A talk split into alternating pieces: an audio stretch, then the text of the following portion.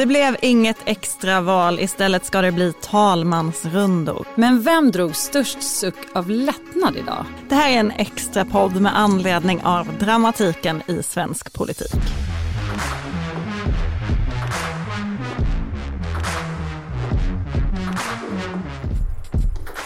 Det här är Politiken med Annie Reuterskiöld, Maggie Strömberg och Torbjörn Nilsson. Okej, klockan är kvart över ett och det är måndag och vi har inte kastats ut i extraval, eller hur Maggie? Nej, men vi har Annie en övergångsregering. Statsministern har entledigats. Eh, han höll ju presskonferens i morse efter att ha samlat sitt parti och berättade att han valde att lämna över processen till talmannen. Något oväntat tyckte jag som hel, har stått i den här podden flera gånger och sagt det blir extraval, det kommer bli extraval, allt pekar på extraval. Jag hade fel. Jag hade fördelen då att sitta på en klippa i Grekland eh, och eh, hinna tänka djupa, långa tankar. Eh, så nej, men lite skämt åsido så hann jag faktiskt läsa väldigt mycket mer än vad jag skulle gjort om jag jobbade. Mm. Och kanske tänka mer också. Och en sak som jag eh, funderade på sådär på avstånd var just att så många S-källor ville kommunicera att de var så redo för extraval. Det kändes eh, som eh, det osade S-spinn, även om vi nu har eh, snackat ner det här med att och, och, och, prata om spinn. Men det är någonting väldigt socialdemokratiskt eh, strategiskt i det som jag tyckte mig känna igen på något sätt. Mm. Jag, har jag har själv skrivit sådana artiklar de här veckorna kan jag säga. Men, eh, nej, men jag förstår vad du menar och väldigt ofta är ju det ett sätt att sätta press på ett annat parti. Att säga vi, vi är så nära ett extraval nu, Liberalerna. Om ni inte skärper er så kommer det bli det. Precis, men Stefan Löfven gjorde ju också allt för att hålla i spänningen så långt som möjligt. För att eh, framförandet tycker jag i början kändes ju verkligen som en valupptakt. Ja, och grejen är så här skulle jag ändå vilja säga att det är inte säkert att jag har fel. Det kan ju mycket väl sluta i att de inte kommer fram till någonting och att det fortfarande blir ett extraval i höst. Ja, och det var faktiskt en tanke som slog mig när jag funderade på det igår. Att varför jag trodde att det blir talmansrunder först. För att eh, då får ju Socialdemokraterna på något sätt äta kakan och ha den kvar. Alltså man, man kan få extra val också, men lite längre fram. Ja, men känslan idag var väl att Stefan Löfven ville inte själv utlysa det där extravalet. Att det i sig skulle då finnas något negativt. Man skulle kanske få ta på sig skulden för det och, och eh, det folkliga missnöje som man tänker sig partierna ska uppstå eh, vid ett extraval. Samtidigt, det som gjorde att jag ändå lutade mot att det skulle bli det var att det är ju ett så otroligt osäkert parlamentariskt läge. Alltså vi vet ju inte vem som kommer kunna tillträda nu. Um, om talmannen lägger fram Ulf Kristersson som, till omröstning som första person så är det ju ändå sannolikt att han blir vald. Om Centerpartiets Helena Lindahl röstar, eh, lägger ner sin röst till exempel, eller mm. Om någon socialdemokrat är sjukskriven och inte kommer till kammaren. Alltså det, det är ju så knappa marginaler. Verkligen. Men, och hade ju även varit då med ett extraval för Socialdemokraterna hade ju kunnat vinna då på om Liberalerna åker ur riksdagen men å andra sidan så är det inte säkert att Miljöpartiet hade klarat sig heller så det var väl verkligen pest eller kolera kan man och tänka sig. Det tänker jag för oss in på frågan för vem är liksom, vilket parti är som mest lättat nu? Vem, vem, vem andades ut idag? Ja, det kan, jag har nog två svar eh, på den frågan. Det kan ju vara Vänsterpartiet eftersom det blev lite svettigt där ett tag eh, med att eh, eventuellt då ha framkallat en borgerlig regering stödd av Sverigedemokraterna. Men eh, jag vill helst fördjupa mig i Liberalerna mm -hmm. eh, ändå. Ha, är det de du har tänkt på när du har legat på din klippa i Grekland? oh, Eller förlåt, klätt, klättrat på din klippa, du kanske inte, du kanske inte solade så mycket? Eller? Det, var, det var mest klättring, ja. ja. Eh, det var också skönt att jag, liksom, jag vill också understryka det att jag var i Grekland, jag kunde verkligen inte komma in till jobbet. men, eh, men ja, jag tänkte en del på Liberalerna. Jag har ju gjort det eh, det senaste året en hel del så det kommer ganska eh, lätt. Men så här, jag tror att eh, det är så komplicerat nu i Liberalerna. Det finns, det finns liberaler som har kanske inte hoppats på extraval men sett en lösning för partiet i ett extraval. På det sättet att om man skulle åka ur nu ett år innan ordinarie val så skulle det vara bättre än att åka ur vid eh, 2022. Ja, ja det, har- det har jag också hört en del som har sagt. Eh, jag vet inte om det är någon slags eh, tröstmantra eller vad, eller om det är logiskt. Men Jag tror att det är ett tröstmantra. Jag tror framförallt så här, Sveriges äldsta parti, det skulle liksom ta knäcken på de flesta om de åkte ur riksdagen. Det, skulle vara, det är ingenting som någon går och hoppas på tror jag. Men, men jag tror att det, det jag har hört är att man ändå har fått tänka att så här, vi måste se sanningen i vitögat, vi kan åka ur, vad händer då? Och då har jag hört lite intressanta tankar faktiskt. berätta, Mm, vad då-? Träffade du liberaler i Grekland? Det kan ha skickats en hel del sms också från eh, Grekland i euro och sådär. Mm. Eh, men eh, så här, de är i Stockholm eh, väldigt anti den här nya riktningen och Mm. även Nyamko Sabuni, det är ju ingen hemlighet. Ehm, och det är även i Stockholm som eh, pengarna finns kan man säga. Alltså det finns nästan lika mycket pengar i Stockholm som i, på riksplan eh, och organisationen finns där.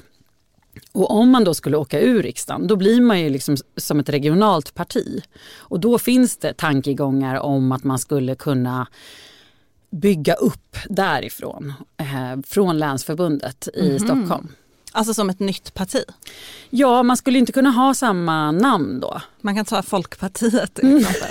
Exakt, eller Folkliberalerna, det har ju startats en sån. Just det, just det. Eh. Just det. En, en, någon slags diskussionsgrupp eller Precis. ja, seminarieförening. Ja, och, och- och, det här är ändå eh, som jag förstår det tankar som tröskas eh, och, och, och som man också då ser att då skulle, det skulle ju vara ett, en, en möjlighet att eh, byta partiledare och riktning. För det är, om, om comebacken så att säga eh, utgår från Stockholm så kommer den inte gå i samma riktning.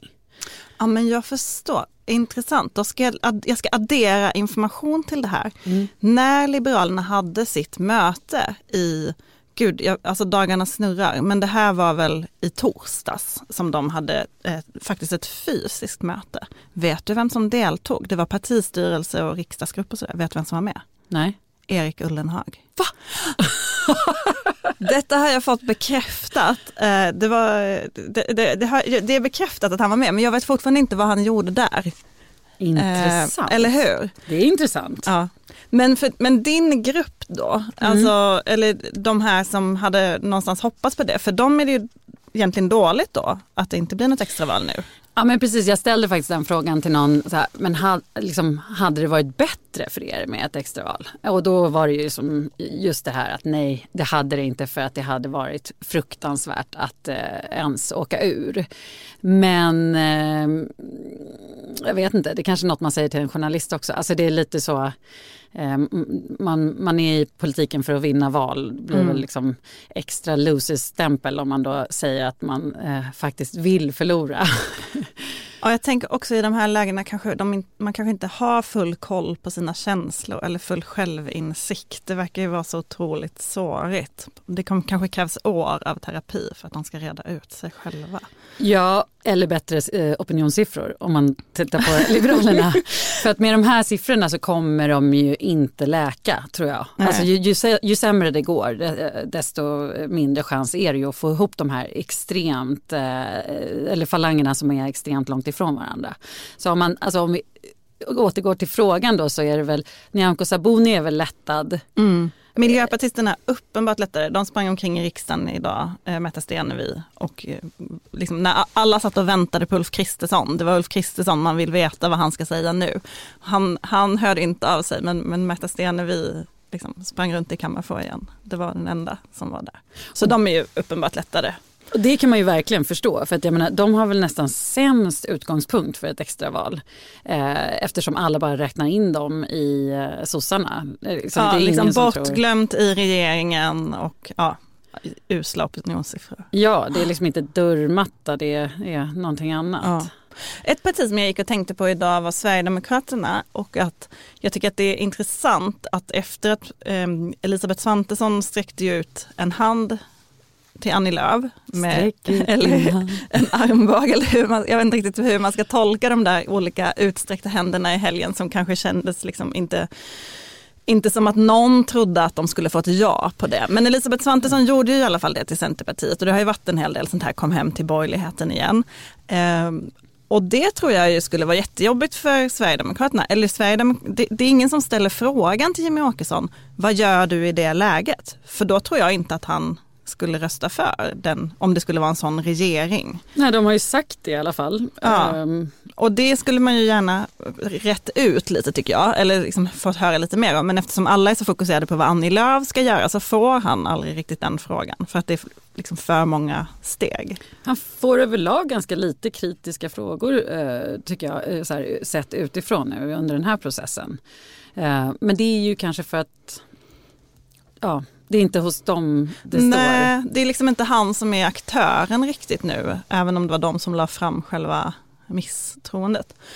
Och sen har vi då Stefan Löfven och Socialdemokraterna som parti. Också i ett intressant läge om det nu skulle vara så att man förlorade statsministerposten till Moderaterna på att liksom, det är lite rörigt i riksdagen. Mm. Eh, på att något händer. Mm. Det är ju verkligen inte riskfritt men samtidigt så känns det väldigt i linje med Socialdemokraterna tycker jag, det, det, det, det val de har gjort nu. Samtidigt tycker jag att det det ligger i linje med socialdemokratiskt uppförande eller vad ska man säga. Eller kanske mer Stefan Löfven. Eh, jag vet inte om det är sant men eh, jag har hört att, eh, att han brukar säga att så här, nu, nu gör vi så här och ser om det händer någonting mm. annat som ändrar situationen. Och det känns ju verkligen som det är just nu. Att nu löser vi, eller försöker lösa regeringsbildningen så tar vi budgeten sen. Ja, och på så sätt är det ju det är ju väldigt likt hur han brukar agera, alltså köpa sig så mycket tid som möjligt och hoppas på att verkligheten förändras. Ja. Moderaterna har ju dock gjort en ny eh, delningsbild på internet som är för en verklighetsförankrad regering som sin nya slogan. Jag har nästan aldrig hört något lika moderat. Man förstår hur Ulf Kristersson och Gunnar Strömmer har suttit där och bara nu ska vi berätta för dem. Så här är reglerna, det här är verkligheten, nu har vi förankrat i den. Eh, det, det, är så, eh, jag vet inte hur catchy det är utanför Moderaternas partikansli alltså. Det är ett alldeles för långt ord till att börja med bara. Eh, för att någon ska orka läsa klart tror jag. Men Moderaterna lär väl vara i en ganska okej okay sits just nu. Jag tänker att om vi, det jag började med, Vänsterpartiet. Jag tror att de var stressade ett tag där. för att de inte hade tänkt eh, att det skulle gå till extraval och att mm. det kanske kändes som att det faktiskt höll på att göra det en stund. Men jag tror att man missbedömer Vänsterpartiets ovilja att tolerera en eh, Löfven-regering nu framöver. Alltså de, man har ju sagt att du man... tror att man vill, det var för många negationer för min ja, hjärna. Förlåt, Den har inte sovit på länge. Men du tror att man, man vill ändå få fram Löfven? Ja, ja, och jag tror att man har vunnit så pass mycket nu att man kan gå med på eh, i princip vad som helst eh, inför nästa val. Men tror du det? För jag hörde också Thomas Ramberg säga detta någonstans i Agenda tror jag. Och då tänkte jag bara så här, har man Liksom när jag har pratat med vänsterpartister, alltså de är ju så eh, berusade av sin egen makt den, de senaste veckorna och mm. liksom älskar den här nya positionen så därför, jag, tror ändå att det är svårt för dem att släppa igenom en regering med sen, många liksom centersymbolsegrar, tänker jag skulle vara svårt. Ja. Alltså en, en budget som ser ut så. Till, alltså tänka sig att man då skulle rösta på den budgeten. Ja men precis. Nej, men, jag, men jag tror ändå att det är, så här, det är en valbudget. Sossarna kommer kunna få in en hel del. Liksom. Ja och det är hur mycket pengar som helst i den. Det kommer, den kommer ju vara jättestor. Precis, så ja. Vänsterpartiet kommer ändå kunna känna att det här är en helt okej budget. Ja. Och i jämförelse med en SD eller MKD stödd av SD budget eh, så tror jag att valet ändå blir ganska enkelt och man har liksom proved your point på något sätt. Vi är att räkna med, vi står vid vårt ord, vi har liksom, mm. de har vunnit en massa nya medlemmar och de kan säga att okej okay, för Sveriges bästa så låter vi det här gå och efter valet 2022 så kan ni räkna med oss. Um, Kanske. Du, du, har ju hittills haft bättre i dina liksom, scen i framtiden än vad jag har haft. Så jag, kanske att du har rätt. Men jag tänkte hänga mig kvar lite med Moderaterna och en tanke jag har ändå. Säg att Ulf Kristersson nu då blir statsminister, eh, att Helena Lindahl till exempel släpper fram honom. Eh, inte osannolikt som sagt. Även om hon, hon har ju varit ganska vag i hur hon ska agera. Eh, men det finns ju också andra då som kan, kan påverka det här. Och så får han sitta ett år. Tänk hur effektivt socialdemokratiska statsråd har liksom placerat olika fel i samhället på alliansregeringen som fanns under åtta år. Mm. Hur mycket det har varit en så bärande del i deras kommunikation som också verkar ha fungerat ganska väl. Nu kommer de, då kommer de få ett år som de bara, de kan lägga allt på det där året. Liksom. All skuld för allt dåligt när de går till val kommer vara på Ulf Kristersson. Mm, exakt. Jag vet inte om det är så bra för honom alltså. Nej, så därför tror jag, alltså, de sossar jag har pratat med säger att eh, det här är en helt okej situation mm. eh, för dem att vara i. Alltså det är inte så himla farligt som det ibland beskrivs rent strategiskt och heller inte för Centerpartiet. Är det inte det? För, för Centerpartiet tänker jag ändå att det nästan är jobbigast för dem. För de är ju kvar i sin, vi kommer behöva välja fast mm. vi tänker inte välja. Det läget kommer ju nu, eh, nu förstärks ju det. Absolut, och, men det där är också ett, ett, intressant eh, kapitel tycker jag för att alla är så fruktansvärt kritiska mot Annie Lööf och liksom så här, förstår du inte att du inte har några alternativ och hon framhärdar i det här mittenalternativet som alla statsvetare ju är, liksom, tycker är rätt och riktigt egentligen att man ska gå fram på sin egen politik och så får det, ja. Och, men jag måste säga att det, jag, hon har en poäng. Alltså det finns ju ett annat alternativ eh, som varken Stefan Löfven och Ulf Kristersson eh, låtsas om nu. Men det är ju eh, att S och M på något sätt skulle kunna samarbeta också efter valet.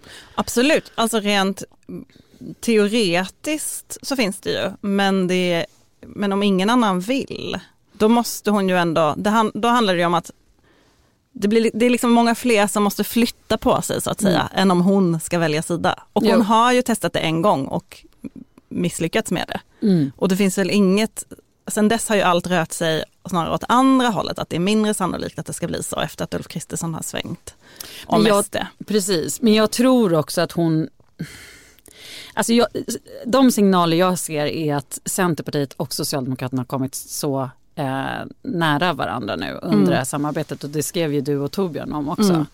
Mm. Eh, så att jag tror att det här handlar om någon slags eh, politiskt förtroende och eh, att eh, inte tappa det. Och då måste hon stå vid den linjen och sen göra eftergifter, tror mm. jag.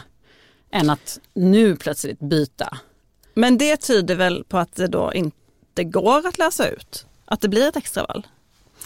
Nej men jag tror inte det för jag tror att som sagt att Vänsterpartiet kommer kunna tolerera en SMPC lösning på något en sätt. sån budget utan att förhandla den ja. eller få inflytande över den. Det tror jag faktiskt. Kommer de behöva ge Vänsterpartiet någon slags present då? Det tror jag. Ni får den här jättestora Basen. reformen som även centerpartister tycker är okej. Liksom. Ja, det tror jag, som, som inte kanske är budgetdrivande eh, eller liksom mm. ens, ens med mm, i budgeten. Mm.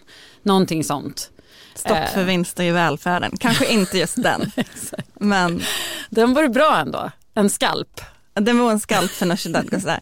Men, eh, ja, men jag förstår, jag tycker att det är en intressant eh, tanke.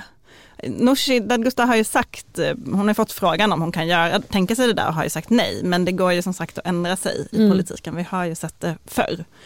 Eh, men ja, och just att alternativet är ju så mycket sämre för Vänsterpartiet. Men det var så man tänkte innan också och sen så fällde de regeringen. Så jag, man vet aldrig. Men, men jag tror att det är i alla fall en, en möjlig väg framåt.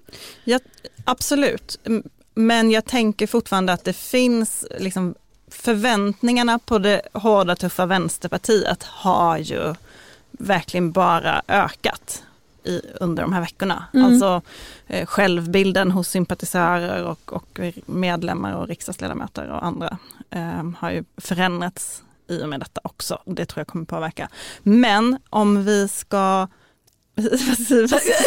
jag kom på, jag kom bara på en sista ja. liten grej om, som också är en liten osäkerhetsfaktor. Det är ja. ju beroende på den här interna splittringen i Liberalerna. Mm. Om Stockholmsliberalerna i riksdagen till exempel skulle bestämma sig för att rösta mot Ulf Kristersson. Ja, det där har ju pratats om flera gånger under eh, de här veckorna också. Eller det har liksom tagits upp som en faktor. Har, har det hänt tidigare? Jag tänker, är inte den där riksdagsgruppen ändå väldigt enad? Eh, någon gång har väl, Birgitta Olsson röstade väl emot partilinjen när det gällde tillfälliga migrationslagen. Mm. Jag kan ha fel här men det är bara det som poppar upp i huvudet. Men jag tror, det, det, har absolut inte hänt på det sättet att man går ihop eh, sådär. Det hände ju inte förra gången. Då gick ju alla in och röstade eh, eller la ner sina röster i, i omröstningen om Löfven och sen gick de ut och var jättearga och skällde i journalisternas mikrofoner direkt efteråt. Men de röstade ju ändå så att Löfven blev vald.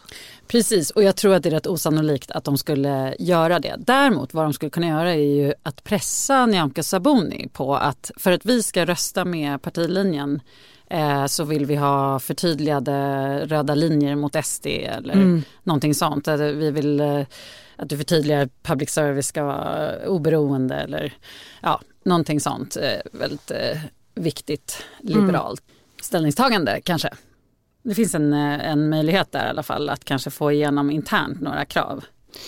Mm. Jag, jag, jag tänker att vi ska avsluta den här podden mm. med att eh, säga vad som kommer hända nu. Och så får vi se sen vem som får rätt. Mm. Oh, vad obehagligt. Alltså det ja. måste jag säga att det var, eh, jag var så otroligt nervös på hans pressträff eftersom jag hade stuckit ut hakan på Twitter innan. Har du skrivit nu, vad var det jag sa? Jag gjorde inte det för jag kände att de som vet vet. Ja, jag förstår. Det är mycket de som lyssnar på den här podden vet. Liksom Men du, fåfäng, like du tror ändå att Löfven kommer tillbaka med eh, Vänsterpartiets stöd i hans budget? Ja. Jag tror fortfarande på extraval. Jag kommer hålla fast vid det tills... Spännande. Ja, jag, jag, känner att jag är inte redo att släppa. Men tror du då på fyra misslyckade, ja att det blir ja, jag fyra tror på misslyckade, fyra misslyckade försök? Mm. Mm och sen ett extraval. Så att semestern förstörs på alla möjliga sätt i alla, alla håll och kanter. Och sen tillbaka i höst. Ja. Yes. Men vi är tillbaka med en ordinarie podd på onsdag och då ja. är Torbjörn Nilsson också med. Det är underbart att vara tillbaka måste jag säga. Härligt att du är här.